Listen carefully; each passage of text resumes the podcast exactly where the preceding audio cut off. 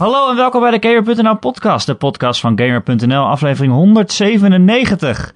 Nu ook op Spotify, Ron. Ja, Laat ik ik weet het aan het. begin van de uitzending zeggen. Dan kun Ja. iedereen Spotify luisteren. Ja, Maakt, ma- maakt mij niet uit waar je op luistert eigenlijk. nee. Mijn naam is Erik Nusselder, bij mij zoals altijd eh, Ron Forsteman. Hey, hey, welkom. Hey. Ik heb ons ook eh, aangemeld voor eh TuneIn. Dat was iemand die mailde mij met dat verzoek. Oh, het bestaat wel. Ja, of we daar ook op te horen zijn. Want dat is blijkbaar, eh, als je daarin zit, dan zit je standaard in het dashboard van een Tesla-auto. Oh, echt? Ja, Oh, dat wil ik wel. dus als het goed is, zitten daar tegen de tijd dat je dit luistert ook in. Eh, Ted, die mailde dat aan mij en die zei, eh, die heeft kennelijk een Tesla. Ik, ik, ik heb geen idee. Ik had laatst die podcast opstaan van Elon Musk bij Joe Rogan. Oh ja, dat hij aan het blowen was? Ja, het was, was alsof je een achtjarige een joint geeft. Zo was het. Zo van, oh, ik wil meedoen. Maar hij wist helemaal niet wat hij deed. En het was heel schattig eigenlijk. Ehm, maar eh, het was wel fascinerend. Slimme man. Ja? Ja. Ja. Ja, Ja, dat zou je niet zeggen van de uitvinder van Tesla, een raketwetenschapsbedrijf die gaten graaft onder Los Angeles en eh, PayPal heeft uitgevonden. Nee. Ja, maar je, je, je kan op de, ene, op de ene manier heel slim zijn en op, op de andere manier heel dom. Ja, maar dat slimme manieren zijn altijd. toch altijd een beetje quirky. Ja, slimme precies. mensen. Maar ja, als je dan eh, mensen die levens redden eh, pedofielen gaat noemen, dan ben je ook niet heel slim bezig, denk ik dan. Ja, goed. Ik vind het allemaal... zulke mensen zijn misschien raar, maar je hebt ze nodig. Dat blijkt maar weer. Ja. Over gekke mensen die je nodig hebt gesproken, hoe is het met jou, Ron? Goed, dankjewel. Ik, veel. vind je het echt zo grappig, deze grap van jou? Jezus Christus. ik weet het gewoon niet eventjes. Ehm hey Ron, deze Ik week... ben blij dat je, dat je je bruggetje gevonden hebt. Ja. ja, precies. Wil je nog iets delen met de, met de Gamer.nl podcast gemeenschap? Nou, niet per se. Het gaat goed. mooi. Ehm, het is natuurlijk, deze week komt natuurlijk Red Dead Redemption uit. Over Ja. vier dagen als je deze podcast luistert. Ja. Ehm, maar zijn er nog games die mensen in die vier dagen tijd nog even kunnen spelen? Dat je zegt, oh je zit zo te wachten, had ik maar iets anders om te spelen. Wat ben Ja. jij aan het spelen, Ron? Volgens mij hebben er heel veel mensen een groot backlog. Ja, dat Dus is eh, waar. het Ik wel ook. goed komen. ik ook. Wat ben jij aan het spelen? Dat mag ik niet zeggen. Nee, maar ik bedoel, je hebt Call of Duty gespeeld. Ja, dat nog klopt. steeds. Ja. Je hebt hem ook gereviewd uiteindelijk. ja, klopt. Eh, een 8,5. Ja. Dat is een heel hoog cijfer, toch wel? Een hele goede Call of Duty. Dat is gewoon Ja? een hele goede game ook. Ja. Ja. Eh, Het is eh, altijd een beetje de discussie als die game uitkomt. Dan, dan, dan... Call of Duty ontvangt veel haat van eh, mensen. Omdat Call of Duty in het verleden natuurlijk altijd een beetje het uithangbord van de casual shooter is geweest. Maar goed, ik denk dat heel veel mensen ook al klaar zijn inmiddels voor een Battle Royale game die niet zo moeilijk is als PUBG, maar wel zo toegankelijk als Fortnite. En dat is Ja. eigenlijk een beetje het gat dat eh, de Black Ops modus van Battle van, eh, van Call of Duty, die springt daar een beetje in. Eh, dus ik denk dat, dat heel veel mensen een soort van nieuwsgierig heeft gemaakt naar deze Call of Duty. En ik heb heel veel gespeeld. Uiteindelijk ben ik ook blijven hangen bij de multiplayer modus. En ik denk dat dat voor heel veel mensen geldt. Ik ben zelf niet zo'n zombiesman. Maar die multiplayer modus is gewoon echt uitstekend. En die is echt weer op zijn ouds heel erg leuk. En ik denk dat heel veel mensen die hem voor Blackout kopen... blijven hangen bij de normale multiplayer, ja. ja. Ik zag toch onder jouw review ook nog wel mensen zeggen van... eh, ik koop het normaal voor de singleplayer. Ja, soms zie je ook mensen zeggen... Ja, hele andere domme dingen. nee, natuurlijk niet. Nee, ja, kijk. Als je... Ik, één iemand zei bijvoorbeeld... Ik kan zijn reactie voorlezen. Ik zal niet zeggen wie het geschreven heeft. Eh, maar iemand die zei... ehm, eh, een singleplayer mode... Ik, nee, wat, was... Oh, iemand zei... eh, sommige games krijgen hiervoor niet hebben van de multiplayer een minpunt. Maar een game zonder singleplayer krijgt daarvoor geen minpunt. En is zel, minpunt is zelfs een imposant totaalpakket. Waarop ik zei dat wij die games zonder multiplayer modus niet veroordelen als die games geen multiplayer modus, modus nodig hebben om een betere game te zijn. Ehm, ik vroeg ook, kun je wat games uitlichten die hier op de site dat kritiekpunt hebben gekregen? Ja, nou, zou kon dat die ja, dat kon die persoon ook niet. Daarna, dan denk ik, ja, waarom zeg je dan dat dat hier gebeurt als je dat niet kan? Maar goed. Ehm, En daarna zei ik, een singleplayer modus had voor deze game geen comp- een, een completere, maar niet per se een betere game gemaakt. Eh, kijk maar naar Infinite Warfare, een game die ook een singleplayer modus had, maar dat was de laatste game in de Call of Duty serie waarvan ik zou zeggen die had een best wel interessante singleplayer modus.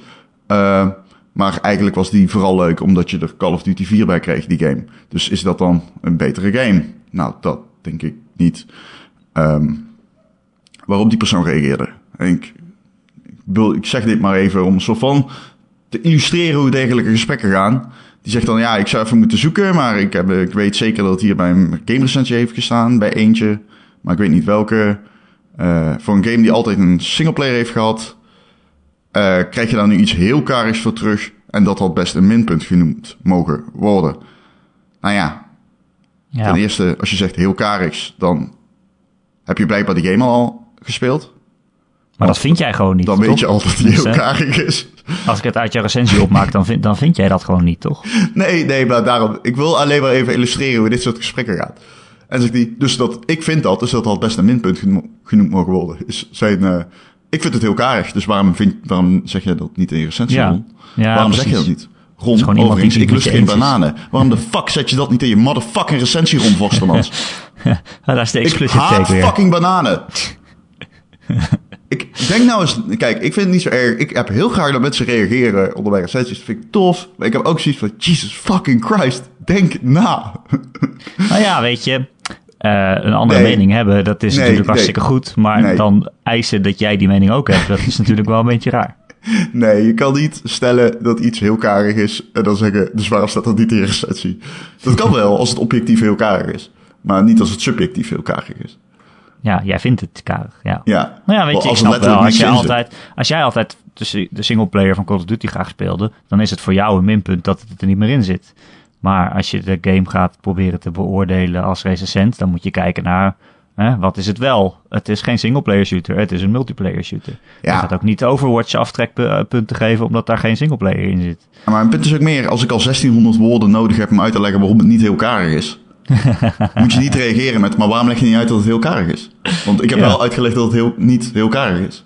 Ja. Dus, waar, dit, snap je? Dat is, dat is een beetje irritant. Maar goed, los, daarvan, er zit dus geen singleplayer in. Wat er wel in zit, Erik, zijn specialist missies. Specialists zijn de characters uit de multiplayer. Ze zitten ook als skins in de blackout modus. Ze hebben eh, allemaal een eigen tutorial. En die tutorial is handig. Die tutorial is heel handig, want die, die leert je echt heel goed wat de mogelijkheden zijn van die operators. Eh, sorry, ik zeg het in Siege taal, Six Siege taal. Specialists. Ehm, we hadden nog... De, kijk, de, die, deze game heeft dus geen singleplayer. En de vraag is dan een beetje van, wanneer is die keuze gemaakt? Nou, ze zeggen dat ze die keuze al heel vroeg hebben gemaakt. Waarschijnlijk... Ik, ik, het ligt voor de hand dat ze toch een beetje gezocht hebben naar mogelijkheden om die personages uit de multiplayer toch een beetje in eh, een context te geven binnen dat Black Ops universum. Dus ehm, die tutorial missies worden ingeleid door hele mooie en heel lugubere CGI filmpjes. Waarbij iemands onderkaak voor iemand verbrandt zijn vader Oh. en iemands onderkaak wordt eraf geschoten.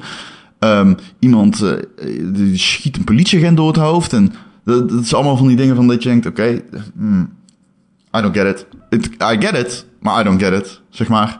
Het voelt... Nou ja, het ding is meer, er zit zo weinig vlees om de botten verder in die specialist tutorial. Want je krijgt dus filmpje, tutorial, filmpje en dan een multiplayer potje tegen bots. En dat voor iedere specialist.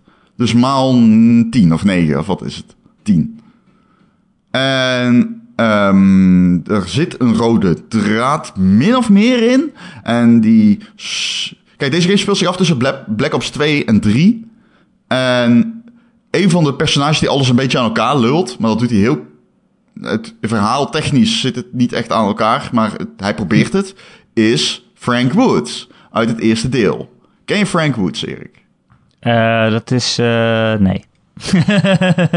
Je kent eh, Frank Woods niet? Oké, nou, Nee, eh, dat nee, is een beetje het uithangbord van Call of Duty, in principe, van de Black Ops serie. Ik Hij ken is, eh, Soap. Hoe heet die Soap? Soap McTavish is een beetje wat, wat hij, hij, wat hij, wat Soap McTavish is voor de ehm, De Modern Warfare. Modern Warfare serie is en Price ook een beetje, hè? Is Ja. ehm, Frank Woods samen met Mason voor de ehm, Black Ops serie. Ik, nou, oké, ik zal even de. Dus ik zag die missie op en ik dacht wat wij allebei dachten van... Oké, dus dit is een beetje de leftovers van die singleplayer content die ze nog hadden liggen waarschijnlijk en niet hebben afgemaakt. Hè? Ja, Eh, dat dachten wij. En Frank Woods... Frank, ik kom er dus uit, de Frank Woods is een hologram. En die, die, zit in een simulatie en die lult die missies aan elkaar. Oh. Ik, maar, oké, dus, dus die missies slaan eigenlijk nergens op. Die tutorials zijn handig. Die, al die shit is... Ik, Frank Woods zit op een manier in die game die ik gewoon... Ik heb nog nooit zoiets meegemaakt. Ik wist, niet, ik, ik wist echt niet of ik moest lachen of moest huilen. Ja. Hij roept echt shit als... Alright, let's put the mean meat grinder on these dickwads. Let's get to it. Op een gegeven moment roept hij... Begint hij ook slang te praten. En Oh moet je voor... Frank Woods is een ehm, Vietnam-veteraan in de game. Zeg maar, als hologram. En, nou ja, ik, ik weet het niet. Het is zo fucking raar. Je moet, het is zo bizar raar. Hij begint allemaal te schelden. En dan, ja, ik, het is een van de meest bizarre dingen die ik ooit, een van de bizarre kanteling, kant, kanten, kanteringen die ik een game ooit heb zien maken. Uit het niets, gewoon. Gewoon, in het begin wordt iemand schaak losgeschoten. Daarna begint Frank Woods als fucking Ice-T tegen je te praten. En ik, ik, sta- ik zat echt gewoon... Ik vond het fucking grappig. Maar ik kon ook gewoon niet geloven hoe kut dat was. Ga, gewoon, als je die game hebt... Want ze hebben het een beetje weggemoffeld in het main menu. Serieus, ga die shit even checken. Het, het, het- je, je mond valt gewoon open van die shit. Serieus. Dus dat is de singleplayer content. En ik kan niet genoeg benadrukken hoe erg dat niet de moeite waard is om te. wil- alleen beetje voor dus unintentional humor. Klik het Beetje- aan. Verder. Voor, misschien de tutorials zijn oké. Ik bedoel, als je de personages wil leren kennen. Die shit is daar goed. Schik, is daar goed. Daarin slaagt het. Alleen verder is er niets. Maar dan ook echt niets noemenswaardigs eh, waar jij je gerief uit gaat halen als je op zoek bent naar iets anders dan... Wat Call of Duty Black Ops 4 dus blijkbaar gewoon is. Een online game. Ja, dat is het. Ehm, ik ben geen fan van zombies. Zoals ik al zei. Of de modus? Eh, de modus in de, in de game. Oké. Ehm, en denk, ja, ja, überhaupt. Nee, ja, ik heb niet zoveel met zombies, maar ik heb niks met zombies in de game ook. Het zit erin. Ehm, het zit erin op een manier die het breedst is zoals het ooit heeft ingezeten. Er zitten drie zombie maps in. Dat is het meest dat ze er ooit van het begin af aan hebben ingestopt. En daaraan gekoppeld zijn heel veel mechanics. RPG mechanics ook. Met verschillende wapens, verschillende perks. Eh, je kan investeren en upgrades eh, krijgen uit een soort van lootboxes. Ehm, ik weet niet of je die kan kopen of dat het alleen in-game currency is. Waarschijnlijk eh, net zoals in de vorige delen beide. Ehm, er is veel te doen op dat gebied. Maar ik... Weet je, het voelt voor mij altijd als een te grote breuk met gewoon normale Call of Duty. En als iemand die daar op zoek is naar normale Call of Duty, komt dat nooit helemaal goed uit de verf. Het, als je er naar kijkt, je ziet het ziet er goed uit. Ze hebben heel erg hun best gedaan. Het is mooi. Het is uitzonderlijk mooi. Eh, er zit bizar veel dialoog in. De lading van die dialoog is een beetje, ja, hoe noem je dat, quippy of zo? Mhm. Ik, niet echt per se iets waar jij of ik heel erg fan van zullen Het zijn. is altijd al een beetje zo B-filmachtig, toch? Zo van Ja. zelf, zelfbewust, expres, eh, Ja. een beetje cheesy. Een ja, heel erg. Alleen misschien een beetje. Kijk, ook dat kun je overdoen. En misschien is het een beetje inderdaad overdone. Ehm, maar je ziet wel, dat ze hebben erg hun best gedaan. En ik, kijk, wat ik, ik zei, ik zeg het ook in mijn recensie van, ja, ik weet er gewoon niet zoveel vanaf. Maar ik hoor van mensen die daar wel meer vanaf weten. Ik ken natuurlijk veel mensen die kot spelen, die zeggen wel van, ja, oké, het is een goede zombie-modus. Er zit veel in. En er zijn veel van die easter eggs, want daar draait het ook een beetje om. Eén missie speelt zich af op eh, de Titanic. Eentje een soort van gladiatoren-arena... waarin allerlei eh, ja, cult, Keltische wezens in... Egyptische, mytholo- mythologische wezens... ehm, allerlei dat soort dingen. Gecombineerd met zombies. eh, in een gladiatoren-arena. En ik heb die shit gespeeld op de allermakkelijkste modus. Beginner. Want eh, daar kun je die map op spelen. Want je hebt wat aan moeilijkheidsgraden. En dat was wel oké. Het gaat gewoon eeuwig door dan, want je gaat niet dood. Het is heel makkelijk. Je gaat wel dood, maar je kunt weer reviven. En dat kan normaal ook. Maar nu, ja, het is gewoon heel erg makkelijk. Na iedere wave sta je automatisch op, et cetera. Ehm, dat was wel leuk. Alleen daarna had ik ook heel snel zoiets van... Oké, nu wil ik gewoon weer terug naar mijn normale Call of Duty. Dus ik heb even Ja. die drie maps gecheckt. Die twee op de moeilijkste. Eentje normaal. Eentje is een remake van Map of the Dead uit Black Ops 2. De zombies missie. Het is, het is, weet je, het is oké. Ik heb vooral het gevoel dat... Van mij mogen ze wel weer een keer af van zombies. Alleen het heeft toch een hele specifieke achterban die dat heel erg waardeert. Het ding is alleen, die achterban is dus blijkbaar specifiek. Wat betekent dat mensen die kot kopen misschien niet op zombies zitten te wachten. En mensen die kot wel kopen voor zombies misschien niet op de multiplayer aan het wachten zijn. Ja. En dat vind ik soms een beetje raar of zo. En ik heb vooral bij deze Call of Duty, waarin ze dus launchen met drie maps, het gevoel dat daarom het logischer zou zijn als je dat los kan kopen. Ja. Ehm, want ik weet nou niet echt zeker dat mensen die COD spelen, zeker zo'n multiplayer COD, die dus alleen multiplayer heeft, of die dan ook zitten te wachten op zombies. Ja, ja, ja. Ehm, het is een totaalpakket. Het is een indrukwekkend zo. totaalpakket. Ja, maar als je dan de singleplayer wegsnijdt, zou je ook kunnen zeggen van, zijn ook de zombies weg of zo? Het, Ja, ja. het Ja. komt best overeen. Een beetje. ja, je had natuurlijk ook gewoon een singleplayer kunnen maken en niet zombies doen. Ja, maar dat is een keuze geweest. Dat is een keuze geweest. En alleen, ik denk eh, keuze gebaseerd op cijfers die ze hebben van hoeveel mensen zombies spelen en hoeveel mensen singleplayer spelen. Neem ik ja, aan. dat zie je sowieso terug in deze game. Als je de multiplayer opstart, staat Team Deathmatch echt weggemoffeld. Oh ja. Ze, ze pushen heel erg hun eigen nieuwe modi. Die zijn ook heel erg objective-based.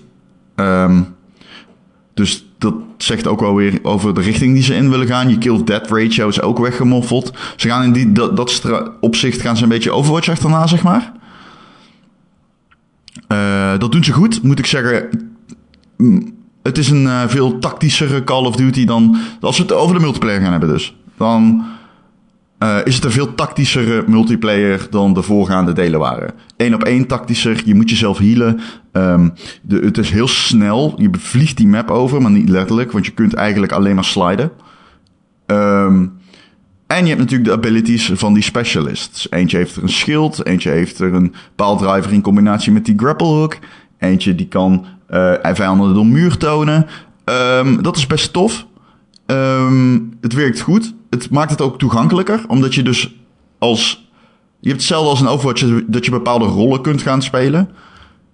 Eh, dus je kunt een beetje kiezen of je aan de frontlinie gaat staan of meer naar achteren toe leunt. In zulke meer je teamgenoten moeilijker werk laat doen. Ehm, en dat maakt het iets toegankelijker. Tegelijkertijd is het ook een hele snelle Call of Duty. Maar dat maakt hem ook lekker snappy. Je vliegt er echt doorheen, gaat dood, restart en je begint weer. Ehm, dat is heel erg fijn. Ik, eh, er zijn dat pick 10 systeem is teruggekeerd, waardoor je dus je hele mannetje zelf kan aanpassen. Je kan kiezen om bijvoorbeeld wel een, eh een pistool te pakken of niet, en dan een extra perk te pakken of een extra attachment op je eh, primaire wapen. Al die shit is gewoon uitstekend. En de maps zijn heel erg goed. Ik vind het echt een hele goede multiplayer. En dat had ik van tevoren misschien niet verwacht. Omdat, nou, ik had wel verwacht, want ik had de beta gespeeld. Maar ik dacht toch echt wel van, oké, ze zijn ze willen dus blijkbaar inhaken met Blackout op het succes van een Fortnite en, eh, better, en PUBG. Ehm, dat voelt een beetje alsof dat een keuze is geweest die ze nou, ja, redelijk vroeg hebben gemaakt en redelijk laat gemaakt hebben, denk ik. Dat Ja. hadden we ze hebben toen ook een hele tijd niks van dat blackout gezien. Toen dachten we ook van, ze het nog aan het maken zijn? Of wanneer komt het? Ja, er gingen ook geruchten dat er wat problemen met de netcode waren aan het ontwikkelen daarvan. Eh, het is nog Ja. steeds zo dat je in solo alleen met 88 mensen kan spelen, in quads met Oh. 100. Ehm, eh, quads op de Xbox One heeft een, schijnt een verschrikkelijke framerate te hebben, lees ik overal. Ehm, dus dat zou, zou dan eh, ook nog gefixt moeten worden. Ehm, maar die shit, die... die het, het, het rare is eigenlijk dat die blackout-modus... eh, die, het voelt alsof ze daarom heel veel, heel, vroeg, heel laat... Of alsof, laat ik het zo zeggen, het voelt alsof die blackout-modus min, de meeste aandacht heeft gekregen. Dacht ik. In, was mijn gevoel erbij. Omdat ze daar dus mee groots wilden, uit, mee wilden uitpakken. Omdat het Ja. nieuw is. En het is nu, het leeft er erg onder gamers. Maar die multiplayer is echt heel erg goed. Ik vind het echt een van de sterkere punten van die game. Dat die multiplayer ehm, eigenlijk alles doet wat ik wil van een goede Call of Duty. In de online. Ehm, hij is lekker toegankelijk, maar ook diepgaand. De snelheid is perfect. De maps zijn goed. Die nieuwe character classes zijn oprecht interessant om mee aan te kloten. Ehm, er zitten veel oude maps in, die zijn tof uitgewerkt. En het is grappig om, om te zien hoe je die oude maps nu opnieuw speelt. Alleen dan met die andere pacing en zo. Dan zie je dat ze ook echt. Dan zie je ook echt dat de invloed van zo'n eh, specialist die dan bijvoorbeeld area of effect heeft, aanvallen heeft om eh, objectives te clearen en zo, dat die echt heel groot zijn. En eh, er zijn twee nieuwe modi. Die zijn dus heel objective-based. Eentje heet Heist. Die vind ik niet zo tof. Dat is een beetje een conglomeraat aan Counter-Strike modi. Eh, van tevoren koop je je uitrusting. Des te beter je presteert, des te meer geld je hebt. Daarnaast ligt er een zak geld die je moet capturen en terug moet brengen naar je basis. En je hebt maar één leven. Dus je kan kiezen of je gaat voor de objective. Of je gaat ervoor om iedereen uit te groeien van de tegenstander. Het is 5 tegen 5. Eh voelt Ja. als te veel bij elkaar. Dan heb je de andere modus die heet eh fuck, ik ben Control volgens mij. En daarin heb je 30 levens per team. Dus je kan een paar keer respawnen. En het is heel simpel. Je hebt twee objectives, twee punten, A en B. Het ene team moet ze verdedigen, het andere team moet ze aanvallen. En eh first to three wins. Dat is heel erg Nou ja. tof. Control is heel erg eh, fucking cool. Ehm, maakt heel erg goed gebruik van die pacing. En eh, is ook echt rete spannend. En ja, ik hou heel erg van die multiplayer. Dus dan, dat, da, daarmee was die game voor mij eigenlijk al verkocht. En dan heb je nog Blackout, wat echt een van de meest leuke Battle Royales is die ik eh, heb gespeeld. Er zijn er natuurlijk niet heel veel. Ik heb ze wel echt, ik heb er heel veel gedaan. Ook de onbekende, eh, de Isle of Nine en shit. Eh, ik vind deze misschien wel het beste van alles wat ik heb gespeeld. Beter dan PUBG, beter gemaakt. Dat komt misschien ook wel omdat het budget natuurlijk veel groter is. Ja, het is echt een, een affe AAA-game, zeg maar. Het is wat, ja, misschien wat meer mainstreamig, maar ook wel wat meer afgewerkt. Dat is eh, denk ik, ja, mainstreamig. Ja, het is in ieder geval, het zit precies tussen Fortnite en PUBG in. En het springt heel goed in dat gat. En er zijn gewoon heel veel domme momenten in die game. Zoals met twee trucks achter elkaar aanrijden met z'n vieren. en eh, met rocket launchers op elkaar proberen te schieten. Ehm, maar je hebt bijvoorbeeld ook die grapple hook heb je ook in de, in de, in de, in de Battle Royale modus. En je kan zoveel tof... Opeens zet je die hele map naar je hand. Ehm, En dat... Ja, het, het voelt echt als een avond op, lekker op avontuur gaan met z'n tweeën. En dat hebben Battle... Of met z'n vieren, tweeën, of in je eentje. En dat hebben al die Battle Royale games. Alleen... al- Wat, wat deze game dan toevoegt met die equipment... En met het feit dat je dus die perks hebt die je op kan pakken, zoals ik de vorige keer al vertelde. Eh, je hebt bijvoorbeeld een perk, daarmee kun je eh, eh, mensen eerder doodslaan. En elke keer als je slaat krijg je leven bij, volgens mij. Nee, dat laatste weet ik niet zeker. Maar je hebt er ook een die zorgt ervoor dat je langer buiten de cirkel om kan rennen. En dan kun je langer overleven en je rent sneller buiten in de cirkel. Waardoor je dus echt tactisch zieke dingen kan doen. Eh, want je kunt opeens overleven buiten de cirkel. En effectief Ah. ook, omdat je sneller bent. Ehm, en zodoende zijn er zoveel leuke dingen om mee te kutten. Ehm, plus het feit dat het inderdaad niet buggy is en heel erg afgewerkt en gepolished. Ja. Het is bijna dat je zo gaat van... Fucking hell, PUBG. Zo moeilijk is het dus blijkbaar helemaal niet. Fix het gewoon. ja. Fix PUBG. Ehm, ik ben heel erg onder de indruk van die game. Nou, mooi. Ja, iemand zei, Ik eh, ik mis wel een aantal zaken in de review. Hoe zit het met de graphics? Ja, ja het is gewoon precies hetzelfde. Ik Ja, het is hetzelfde. bedoel, als jij deze game gaat spelen voor mooie graphics, koop lekker Battlefield. En eh, leun achterover en geniet van je, van je, van je eh, raytracing update die aan het einde van het jaar komt. Waarschijnlijk. Maar verder, ja, ik bedoel, deze game speel je niet voor de, de graphics. Dit is een competitieve multiplayer game. Cool. Eh, ik heb ook een nieuwe game gespeeld, Ron. Oh, En het is eigenlijk een verplichte Gamer.nl podcast tip, tip, tip. Voor jou ook, Ron. Jij Oh, moet oké. het ook spelen. Maar ook eigenlijk iedereen die van puzzelgames houdt. Eh, het heet eh, Return of the Obra Dinn. Oeh. dat is gewoon... Hè? Wat zei je? de WoW. Dat WoW. is een naam. Ik ken het niet. Je kent het niet. Oké, nou, het is gemaakt door Lucas Pope. Oké, eh, de maker van Papers, Please. oké. Eh, dus dan weet je wel dat hij eh, die, die, die probeert wel bijzondere games te maken. Ehm, het is een puzzelgame. En het eerste wat je moet doen nu is even googlen hoe het eruit ziet. Nee, jij niet nu, maar de luisteraar thuis. Het heeft namelijk een heel aparte stijl. Het is heel monochroom. Dus het is echt Monochroom. ja, wit, me. met, z- wit met zwart is het, zeg maar. Oké. Maar dan in een, ja, het is niet per se, ja, het is niet als je nu denkt zwart-wit, dat je denkt, oh, de kleur is er gewoon uitgehaald. Het ziet er echt uit alsof het in een, in een aantekeningenboekje is getekend of zo. Maar het is wel heel mooi en indrukwekkend. Eh, anyway, het gaat erover eh, een schip, de Obra Dinn. In de jaren 1800 ongeveer is die vermist. En drie jaar later komt die ineens terug. en iedereen aan boord is dood. Hm. Er zaten 60 mensen aan boord. En jij bent een soort, ja, nou ja, je bent eigenlijk een soort detective en je moet eh, ontdekken waar iedereen aan dood is gegaan. Dus iedereen heeft een andere doodsoorzaak. Eh, en daarvoor heb je twee dingen. Je hebt eh, een, een boek bij je. En daarin staan eigenlijk, daar, daarin wordt geschreven alles wat jij ontdekt, alle hints die je vindt. En er staat ook heel veel informatie over het schip die je dan nodig hebt. En je hebt een soort kompas. Een magisch kompas. En als je dan bij een lichaam staat van iemand die dood is gegaan, Mhm. dan eh, zie je het laatste moment vlak voordat hij doodging. Eh dat krijg je dan te zien. Dat, en daar kan je dan in rondlopen. In, in, die, eh, in die herinnering kan je dan rondlopen en dingen onderzoeken. Ehm, en je hoort ook, zonder beeld, hoor je ook zeg maar de laatste 20 seconden of zo wat eraan vooraf ging. Mhm. En dan moet jij het, ja, het doel van de puzzel is eigenlijk dat je dan ontdekt van, oké, wie is deze, degene die doodging? Waar ging die aan dood? En wie heeft het gedaan? Eh, als dat van toepassing is.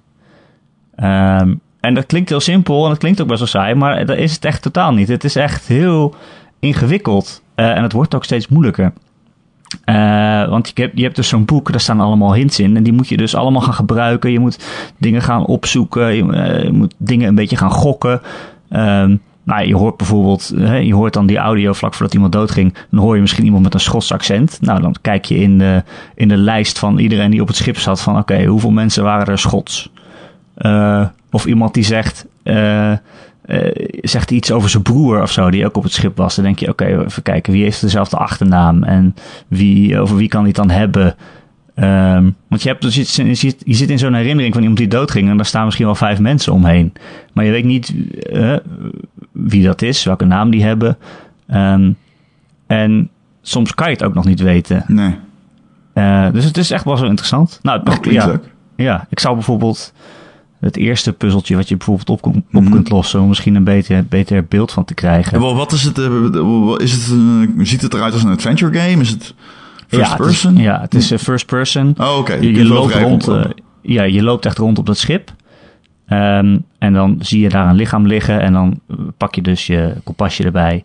En dan verandert het beeld naar het moment dat diegene doodging. En daar kan je dan ook vrij in rondlopen in first person. Ehm, en dan moet je dus in je boek steeds noteren, moet je die drie dingen noteren van oké, wie is dezegene, waar ging hij aan dood en wie heeft het gedaan. Eh, en je weet niet meteen of je het goed hebt ook. Hmm. Eh, pas als je er drie goed hebt, zeg maar eh, van drie mensen alles goed hebt, dan Ja. zegt de game: Oké, het, het is nu gecheckt en we schrijven het nu op als feit en het klopt. Oké. Eh, en dat is echt Ja. een heel fijn moment dat je denkt: Mhm. oh, Oké, eh, het klopt echt. Maar je moet dus Ja. bijvoorbeeld kiezen van: Oké, hij is neergeschoten of hij is eh, verpletterd door iets of eh, hij heeft zelfmoord gepleegd of eh, ja, alle- het zijn echt, er zijn echt al 20, 30 verschillende dingen waar iemand dood aan kon gaan. Experimenteert het met bovennatuurlijke dingen? Is het een klassieke who done it? Ja, nou ja, het zijn eigenlijk 60 whodunits, want eh, iedereen heeft een andere doodsoorzaak. Is het niet dezelfde moordenaar die iedereen vermoord heeft? Nee, nee, nee, vermoorden nee, elkaar. nee. Nee, iedereen, eh, iedereen gaat ergens anders aan dood. Of ze vermoorden elkaar. En er zit ook best wel echt een heel diepgaand verhaal in. Dus dat is nog wel een ander iets wat, wat er heel leuk aan is. Is dat je steeds meer van een soort mysterie eh, oplost. Van wat is er nou eigenlijk gebeurd op dit schip. Wat ineens Ja. terug is gekomen waarbij iedereen dood is. Wat voor schip is het? Is het een cruise? Nee, het is echt eh, een, eh, ja, piratenschip? cruise. Ja, soort, ja, nou ja, het ziet eruit als een piratenschip, maar dat, dat was het niet. Maar het is Maar, 60 is veel. Hoe groot is dat schip? Het, het, er zaten 60 mensen op, er waren iets van 50 passagiers en de rest bemanning. Eh, het is een schip met een paar verdiepingen. Maar ja, het is, het is uit 1800, hè, dus het is niet dat het heel modern is of zo. Hmm, Het is echt zo'n oud eh, eh, zeilschip. Oké. Met roeiers ook. Maar goed. Met roeiers. Ja, ja, weet ik veel. Toch? Dat hadden ze toch vroeger? Zeilschepen. weet ik eigenlijk bedoel. niet. Het is zo'n soort schip als in Assassin's Creed. Oké. ja, nou, ja, die bestonden. Ja. Die bestonden zeker. Ja. Combineren. Ehm, maar het is echt heel interessant. Die game die geeft je eigenlijk net genoeg informatie om het te kunnen oplossen. Maar eigenlijk ook net niet. Sommige dingen moet je een soort van half gokken. Dan zie je bijvoorbeeld wat voor uniform iemand aan heeft. Je kan ook Hmm. in het boek opzoeken. Oké, wat voor mensen zaten er op dit schip? Wat voor eh, banen hadden zij? Eh, en, wat, en wat zegt dat? Je hebt een kapitein, je hebt een first mate. Je hebt ook een dokter en je hebt een... eh, ja, ja, gewoon matrozen. En wat doen die precies? En dan moet je gaan nadenken, oké, ze zijn op deze plek op het schip, zijn ze gevonden? Eh, wat betekent dat? Of wat voor relatie hebben deze twee personen met elkaar? Kan ik daar iets uit opmaken? Ehm, het is echt, eh, ja, het is echt heel interessant. je hebt hem nog niet uit, cool. hè? Ik heb hem nog niet uit. Is Nee. lang? Weet je dat?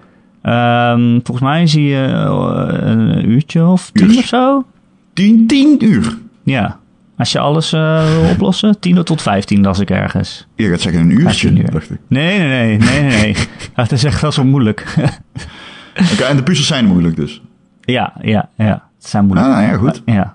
Is het, eh, wat voor puzzels zijn het? Zijn het perspectiefpuzzels daar ook? Of is het alleen maar hetzelfde? Nee, het is, dus, het is dus echt de hele tijd wat, wat ik net vertel. Speuren, maar het is speuren, bijvoorbeeld, kijk, ja, het is echt speuren. Maar kijk, bijvoorbeeld die eerste dood, die kan je niet meteen oplossen. Maar je komt diezelfde persoon die, eh, die je ergens dood ziet gaan, die kom je in een andere herinnering weer tegen. Een Eh, Metroidvania puzzelgame.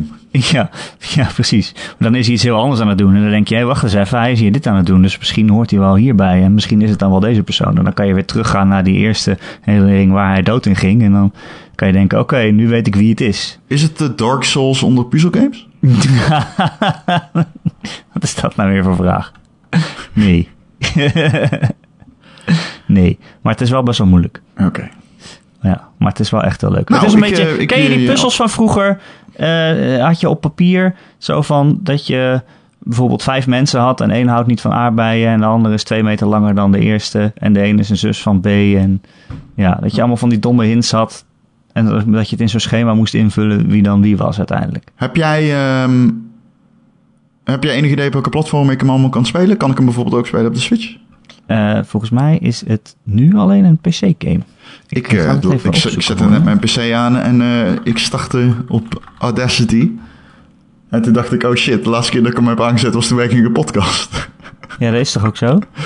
Nee, ik bedoel vorige week. Oh, Sindsdien heb ik hem niet meer aangehad. Dus ja. ja, maar je bent ook met iets anders bezig, toch? ik ben met andere dingen bezig. Ja. Eh, anyway, dus Return of the Obra Dinn. Iedereen moet dat spelen, Ron. Ja. Het is echt heel erg goed. Ah, cool. Eh, benieuwd. Leuk, ja, klinkt PC leuk, leuk idee. PC, het is PC. Spannend. Ik ben ook nog gewoon Assassin's Creed aan het spelen. Ja. Oh, ik kan daar niet mee ophouden, Ron. Assassin's Creed is zo goed.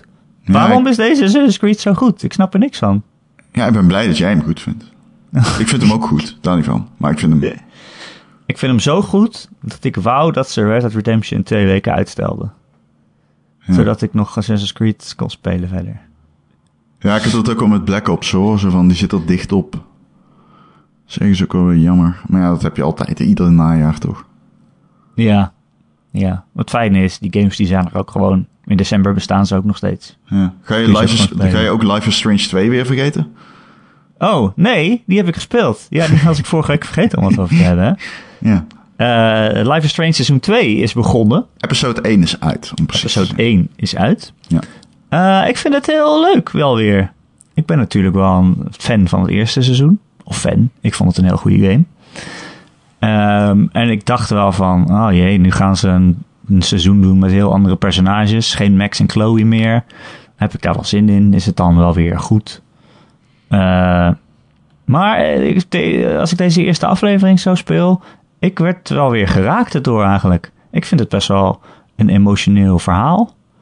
Eh, het gaat over eh, twee eh, jongens met een Mexicaanse achtergrond en een vader. En ja, ik- ja, ik wil eigenlijk niet spoilen wat er in de aflevering gebeurt, maar Hoeft ook niet. nee, oh, Nee. gelukkig. Nou, dan houden we er gewoon over op. Maar is het leuk? Ja, ik vind het wel heel leuk. Ja, wat ik zei, het is best wel aangrijpend of zo. En ook best wel. Eh, het is heel erg gebaseerd in, de, in onze echte wereld. Nou, wil ik net zeggen. Ik heb namelijk gehoord dat er politiek in zit. Ja, dat kan natuurlijk niet, hè, Ron? Ik bedoel, probeert iemand hier zijn mening door mijn strot te duwen, Erik? Luister, het gaat over twee Mexicaanse jongens. Ehm, ja, je kan het politiek vinden als die game dan laat zien dat er ook mensen zijn die gelijk al vooroordelen hebben over Mexicanen. Eh, en gelijk zeggen, eh, jullie zijn de reden dat we een muur gaan bouwen. Zit dat Eh, erin? Dat zit erin, ja, dat zegt iemand tegen ze. Ehm, dat kan je politiek vinden. Je kan ook zeggen, ja, dat is realistisch. Want zo gaat het nou allemaal in Amerika. Daar zijn, dat soort mensen zijn er. Zeker als je in het zuiden van het land rondloopt, waar ze ook zijn. Dus ja, is dat politiek om dat te laten zien? Ja, op zich wel. Ja, dat is Maar ja, dan is alles politiek. Nou ja, het is, eh, kijk, wat is politiek? Als ik een ijsje eet en het is vanille... en we komen erachter dat vanille ooit geïmporteerd is... dan is dat, heeft dat ook een politiek achtergrond. Want waarom is het geïmporteerd? Nou, omdat wij besloten om de oceaan over te steken... honderden jaren geleden. Ja. Nee, ja, het is best wel politiek. Het is Alles is ook, politiek. eh, je kunt niet is zeggen, dit is politiek, het hoort er niet in. Alles is politiek. Politiek Oh, is de cultuur waarin jij bent opgegroeid. Dat is politiek. Alles is politiek. Ja, maar stel, het zou wel iemands mening zijn. Waarom zou dat niet mogen? Ik bedoel, Tuurlijk mag dat. Please heeft ook ja. een. Nou moet ik wel zeggen, ik speelde die Brexit game. ja. Dat hoef ik niet. Dat wil ik niet. Ik hoef niet de hele tijd dat... Die game is zo links. Dat is gewoon alleen maar... Yo, even kijken hoe links we kunnen worden. Dat hoef ik ook niet. Dat wil ik ook Nee. niet. Daar heb ik geen zin in. Daar zit ik niet voor achter mijn computer. Ik, ga, ik ben niet benieuwd naar hoe jij meer probeert te overtuigen... hoe geweldig een bepaalde invalshoek is. Politiek gezien. Ongeacht wat ik zelf vind. Dat, dat doet er niet toe. Ik speel games voor het vermaak. En soms spelen games niet voor vermaak, maar voor de serieuze lading. Maar doe het dan goed. Dit is niet goed. Dit is gewoon, hoeveel kan ik door jouw strot duwen in, laten we zeggen, 10 uur. En ik heb er veel ervan gespeeld. Maar het is niet de moeite waard, kan ik objectief zeggen. Dit daarentegen illustreert hoe het is voor andere mensen om op te groeien in een bepaalde context. En is dat politiek? Ja. Nou, dat is, toch interessant? erg? Ja, maar als jij dat niet interessant vindt, ik bedoel, ik snap, dan speel je het gewoon niet. Maar ik snap niet waarom mensen er dan boos van worden. Ik bedoel, En- dan is het gewoon geen game voor jou. Dat kan toch ook Precies, gewoon. precies. Als, niet, als je het niet leuk vindt dat het erin zit, dan hoef je het niet daar, om, dan heb je een reden om het niet te spelen. Ja, Het is ook niet zo dat het erin zit omdat, waarschijnlijk zit het er vooral in dat het gewoon een interessant gebied is om te verkennen in een videogame. Ja. Het zit er waarschijnlijk niet eens echt in omdat iemand zoiets heeft van en we willen even laten zien hoe slecht het Amerikaanse regime omgaat met dit soort kwesties of zo. Mm, nee. Nee, het gaat ook niet echt over politici. Het gaat gewoon over mensen eh, eh, in zuidelijke staten die eh, een soort van eh, algemene houding hebben tegenover buitenlanders. En die mensen zijn er gewoon. Eh, Ja, ja die, kijk, die game waar ik het over had, die deed dingen als... eh, liet die krantenknipsels zien. ehm, waarin, zeg maar, rechtse politici de hele tijd aan het haten waren op, op media. En linkse mensen opsloten. En dat werd gebruikt met de woorden rightist en leftist. En ik vind Oh, dat ja. heel polariserend en akelig. Om als game zo'n klimaatkwets schilderen of zo. Ik bedoel, het kan wel. En er zijn vast mensen die het kunnen waarderen, denk ik. Maar dan speel je die, dan speel je die game waarschijnlijk om een andere reden dan ik. Ik wil gewoon geïnteresseerd worden Ik, ho ik hoef geen bevestiging te zien, snap je? Van wat ik vind of zo. Dat vind ik niet interessant. Nou ja. En dat Nee. is... Dat, dat is ik, soms heb ik het gevoel als mensen zeggen... ik wil geen politiek in games... dat ze gewoon echt niet snappen hoe het echt is... als er echt politiek in games zou zitten. Zeg maar. als er nou... Snap je? Politiek is veel te breed daarvoor. Als je, jullie hebben het over een tak van politiek, waarschijnlijk, mensen. Ehm, maar dan wordt het heel erg definitie filosofisch. Maar ik ehm, denk dat er heel veel mensen zijn die die game laten liggen op basis van vooroordelen die je misschien niet moet hebben. Over die game, niet zozeer over de onderwerpen die behandelt. Maar eh, dat nou ja, kijk, jammer. het is ook niet zo dat Life is Strange 2 nu eh, heel evenwichtig allebei de kampen aan het woord laat of zo. Ik bedoel, mensen die eh, discrimineren, dat zijn toch wel een beetje de, nu de slechterikken. Maar Ja. Dat, ja, dat lijkt me logisch. Als jij iemand speelt die Mexicaans is en je komt iemand tegen die een hekel heeft aan alle Mexicanen, dan kan je niet even allebei de kanten laten horen of zo. Nee. Dat, heb je dan, niet- dat, dat gaat dan niet. kan misschien wel. Nou goed, het, ook, ook dat, dan klinkt het inderdaad meer alsof het wel een politieke invalshoek kiest. Maar goed, dan kun je de game om die reden laten liggen. En dat geldt ook voor de game die ik omschrijf. Dus ik bedoel, Ja, eh het is wat je wilt van een game. Ja. En als je Ik- het er ja. niet in terugziet, dan eh, prima. Ja. Ik vind het wel echt wel geval, jammer als je eh, een game daarom laat liggen. Jij niet? Ja, nou ja, weet je, ik speel ook wel eens games. Niet alleen puur om vermaak, maar om, om een keer iets te zien uit iemand anders oogpunt of Ja. zo. Interessante invalshoek. je Eh, wilt, Ja, zoals bij Gone Home of zo. Dat heeft me ook wel weer aan het denken gezet over... Oh, spoiler als ik dat zeg. Eh, eh, ja, nou ja, dat je een keer in iemand anders schoenen staat en kijken hoe dat is. En daar, dat kunnen games juist zo goed als medium. Games zijn uitermate geschikt daarvoor, ja. Ja. En als je zegt, ja, alle politiek moet eruit blijven, dat vind ik echt gewoon een heel gek statement. Het Dat is kan gewoon ook een- Het, is, het echt een onmogelijk statement. Dat, dat, dat kan zeggen dat het uit, uit films moet blijven of zo. Of uit boeken. Ja, Ja, maar- dat, is, ja. dat kan toch niet? Bijvoorbeeld, taal is ook politiek. Snap je? Je kan niet, je kan niet zoiets zeggen. Dat, dat, dat, dat, slaat gewoon nergens op. Nee. Dat is echt onzin. Ehm, Je zou kunnen zeggen, ik zou willen dat de Tweede Kamer niet terugkeert in mijn game. Maar goed, die zit er niet in. Nee. Oh, dat, is- dat zou een leuke game zijn. Ik Zit de Kamer de game? Maar waarom niet? Heb je Die dat dan Rob beslissingen mag maken? Ah, laten we die Rob Jelte gewoon... eh, als hij dan vast blijft hangen, en dan zie je gewoon... eh, Ja, weet ik, een Jette, hè? Ja. Ja. Laat je gewoon eh, dat gifje gaan. Anyway. Ik vond Life is Strange 2, eh, de eerste aflevering, echt heel mooi. Ja. Ik ben heel, erg veel zin in de rest. Normaal gesproken wacht ik met dat soort dingen altijd tot Ja. alles uit is. Maar ik kon het gewoon niet laten. Ik moest het spelen. ja. En ik ben blij. Maar ja, nu zit ik te wachten op de rest. Maar goed. Ik ga hem ook spelen. Ik heb deel 1 eigenlijk niet echt heel veel aandacht geschonken, maar ik ben wel benieuwd. Ah, Ik, ik vind het namelijk wel interessant wat die game... eh, ik ben wel benieuwd hoe het inspeelt op die nieuwswaardige... of nieuw, nieuwsige dingetjes. ja. Dus eh, ik ga hem toch wel even checken. ja. Ik Jij, ehm, heb je verder nog iets gespeeld? Eh, dat? Assassin's Creed? Nee, volgens mij niet. Hebben we nog vragen in de Discord? niet. Ik heb wel nog vragen, ja. Daar wou ik net heen gaan. We hebben een Discord-kanaal, daar kan iedereen lid van worden.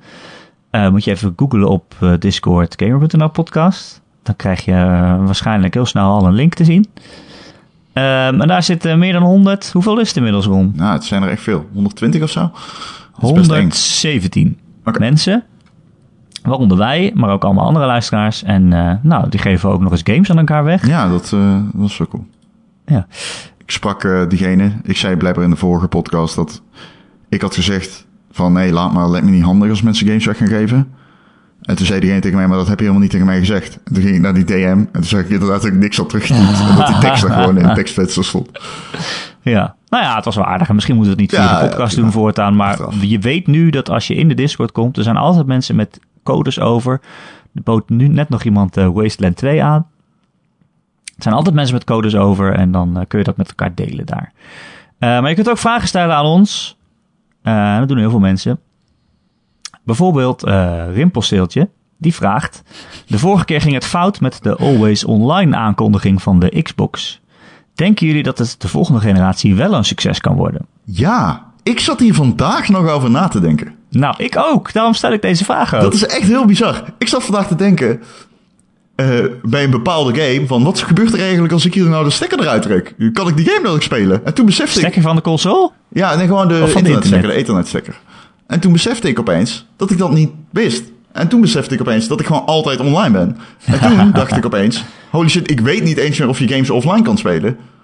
Oftewel, Jij Ik kan de me niet voorstellen dat dat- ik kan me niet voorstellen... Ja, ik vond die hele backlash toen sowieso bullshit. Ik, ehm, ik ben van mening dat dat wel zou moeten kunnen, ja. Er zijn heel veel mensen die dat niet vinden. Maar waarschijnlijk hebben die gewoon altijd hun console aangesloten op het internet. Nou, eh, ja, jij, jij zegt ik vond die, bo- die backlash bullshit, maar ze Ja. brachten het gewoon zo stom Ja, en onhandig. nou, ik was het het niet was eens echt met... de slechtste manier om het te brengen. Zo van, ze, ze, ze, ze legden meer de nadruk volgens mij op wat er allemaal niet meer kon dan van wat je er eigenlijk aan had. Zo Ja. van, oké, je kan geen games meer delen, eh, je kan niet meer offline spelen, eh, eh, eh, bla bla bla. bla. Eh, maar geen van de voordelen hebben ze toen genoemd. En Nee. ik zat namelijk te denken dat Xbox Game Pass, dat is gewoon dit. Dat is gewoon de eh, always online Xbox. En iedereen denkt, eh, zegt, oh, dat Game Pass, dat is best wel interessant, dat is best wel handig. Maar dit zijn games die Kun je niet niet kan delen. Eh, en en je, ja, je, volgens mij checkt hij eh, eens in de zoveel tijd of je Volgens mij kun je ze of je een abonnement week nog, offline spelen. Ja, of precies. Zoiets. Ja. Maar je kan ze niet maar- delen en je moet on- online zijn, of in ieder geval eens in de zoveel tijd. Eh, dit is gewoon precies wat ze toen aankondigden. min- Maar dan aan een mm, abonnement. mm, mm, mm, Ongeveer. Ik, ik weet niet, er zitten wel heel veel nuanceverschillen in nog. Ehm, Ja, ja, ja.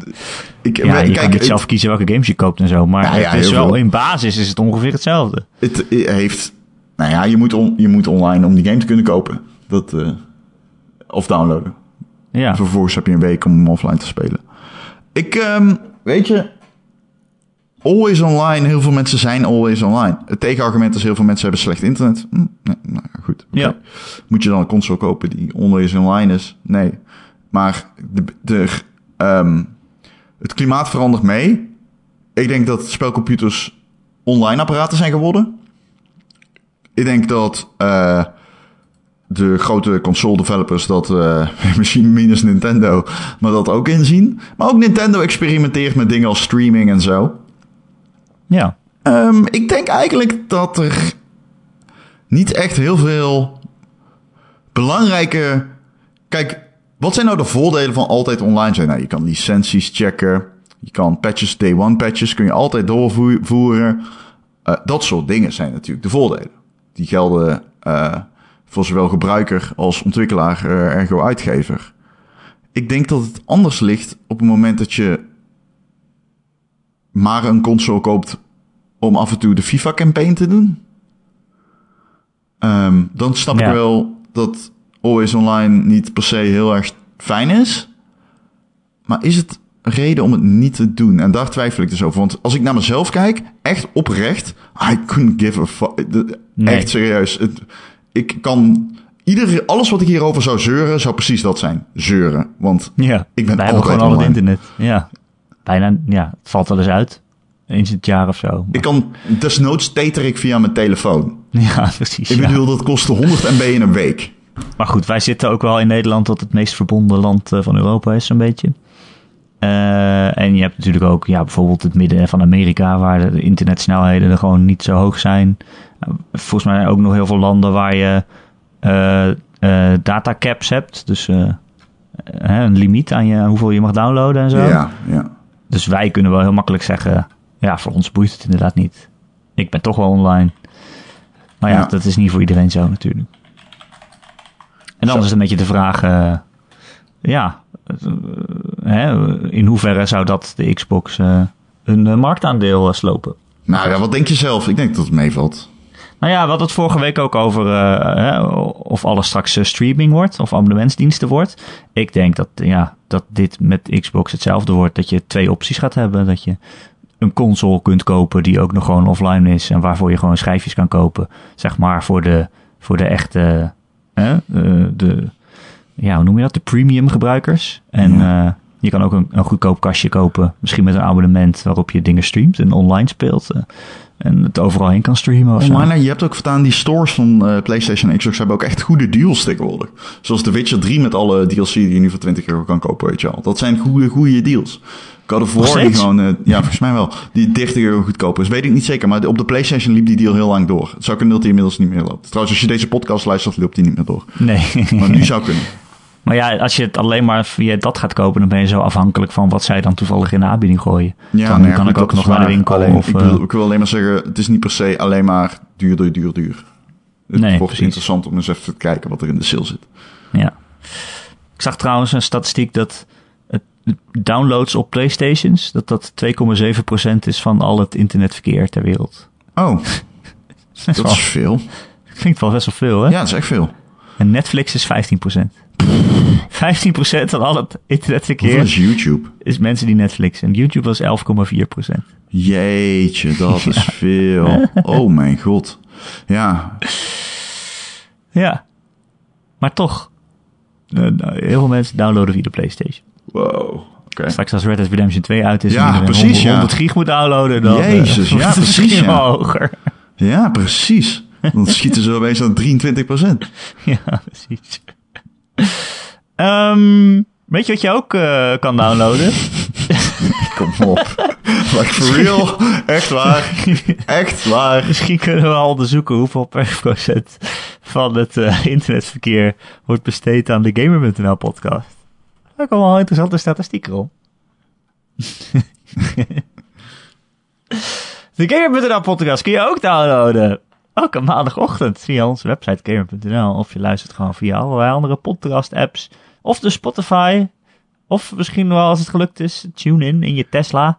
Stuur even een foto van jezelf in een Tesla met, eh, wat zie je dan? Ze hebben toch zo'n dashboard met plaatjes. Serieus? Ik denk dat je dan het logo Als je van een Tesla ziet. hebt en je luistert naar deze gratis podcast, geef geld. Geef ons geld. Kom op.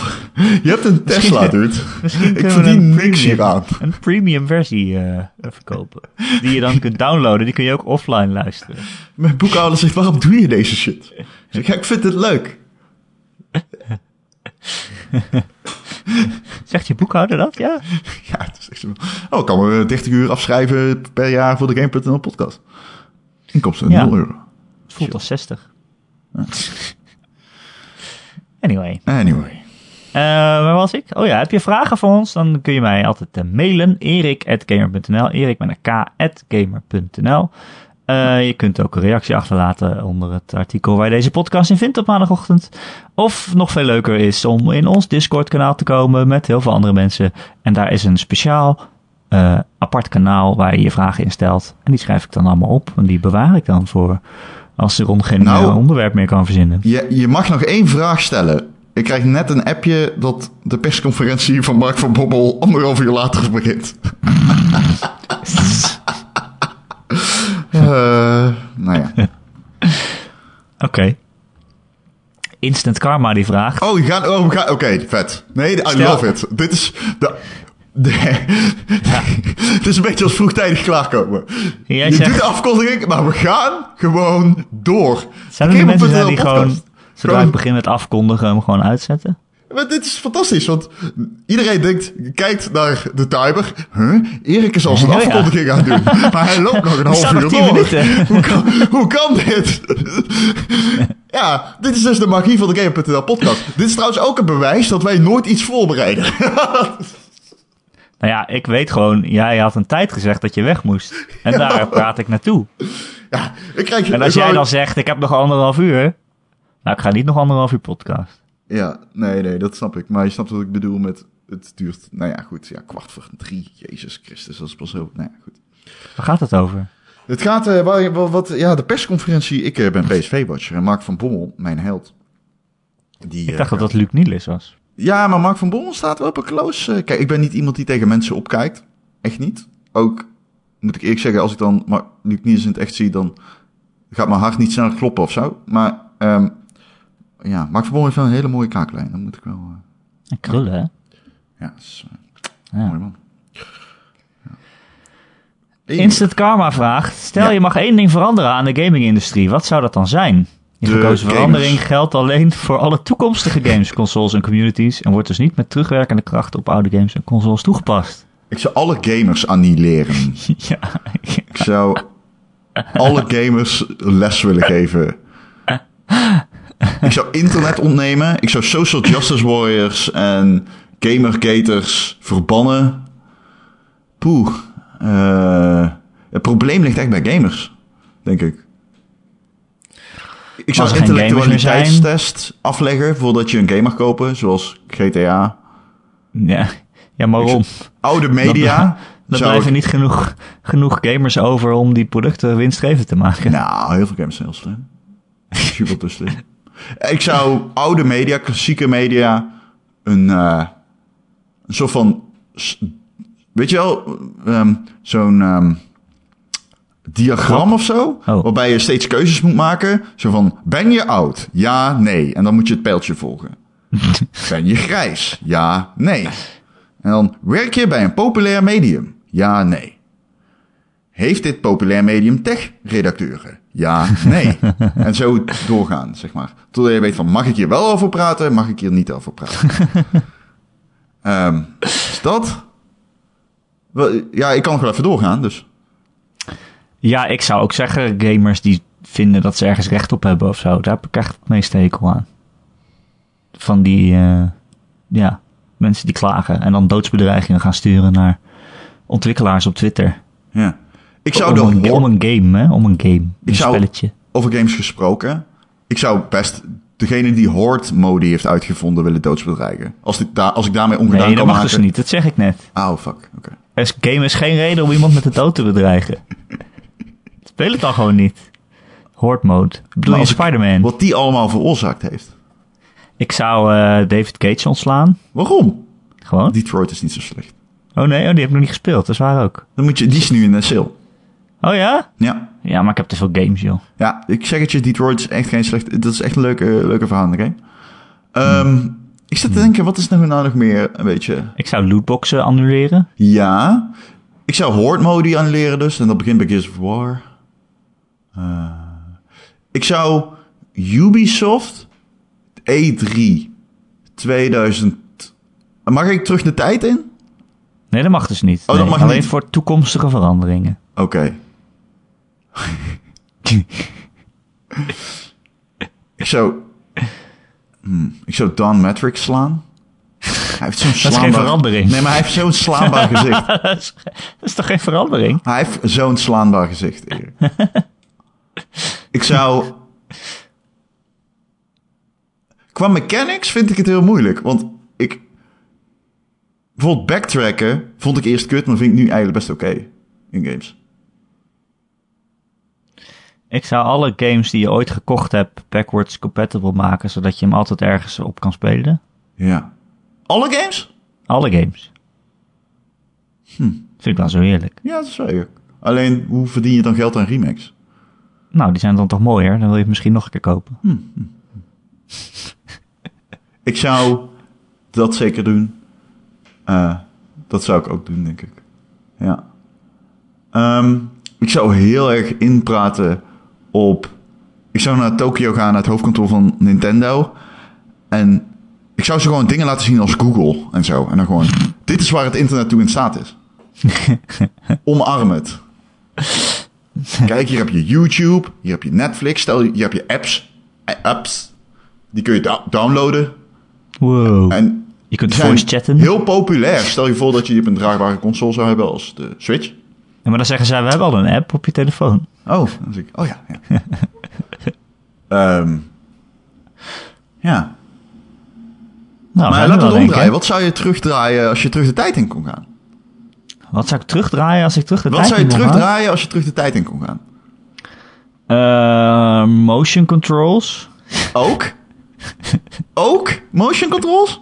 Maar die, die, die, die eh, touch van eh, Oculus is toch best oké? Ja, oké. ik zou nooit bedoel, gebeuren. eh, de Move en de, en de V-controller en... eh ugh. Oké. Nee, touch van Oculus is wel goed, ja. Dan heb je wel een goed punt. Ehm, wat zou ik nog meer terugdraaien? Dat Sega failliet ging? Sega bestaat nog. Toch? Ja, maar ik bedoel die console, ja, hoe ze de hoe het toen ging met toen ze die Saturn Je ging weet het maken. en- tegenwoordig niet meer. Ja, alles niet. Nee, maar Ja. ik snap wat je bedoelt. Ja, Ja, de, de, precies. tele- teleurgang. De teleurgang. Ja, het creatieve faillissement van Sega. Ja, dat is jammer. Ja, goed. Eh, Maar zou je dan niet zeggen, we gaan de Saturn populair maken? nee, maar de Saturn was gewoon kut. Dat, ja, maar ja, je kan misschien, als je hem... Dreamcast was wel goed.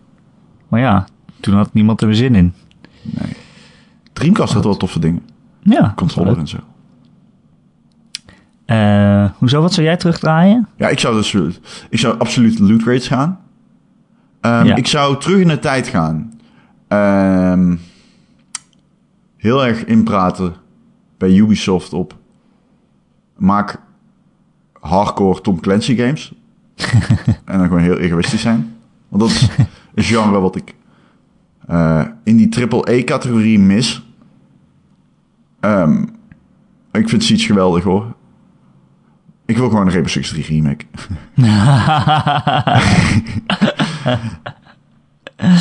Oké, duidelijk. Ehm, ja. En ik zou tegen mezelf zeggen, denk ik, eh, begin nooit een podcast. Doe het niet. Hey, Nee, hey. grap- nee, grapje. wat onaardig dit. Heb je nog een andere vraag? Nee, nu gaan we stoppen. Oké. ik, zat, ik vol- zat er net lekker in. Ja, is het zo? Ja. Eh, ik ben alweer klaar mee. Oké, nou dan, eh, dan houdt het op. Ik hoef niet meer af te kondigen. Nou ja, het zou. Je zou. eh, ik, heb, een- ik heb nog een vraag aan jou. Wat wil je vragen? Hoe zou je dit moment willen afkondigen? Ik zou zeggen, eh, tegen iedereen die luistert, maar Mhm. ook specifiek tegen jou, Ron, Mhm. Oh, oh, oh. dankjewel. Paardenbalzak. Dankjewel. Paardenbalzak. hey, hey, daar mag je niks over zeggen, weet je nog? waarover? Wat? Waar de fuck heb je het over? Oké. en Ron, Ja? dankjewel. Dag. Tot volgende week. Tot volgende week.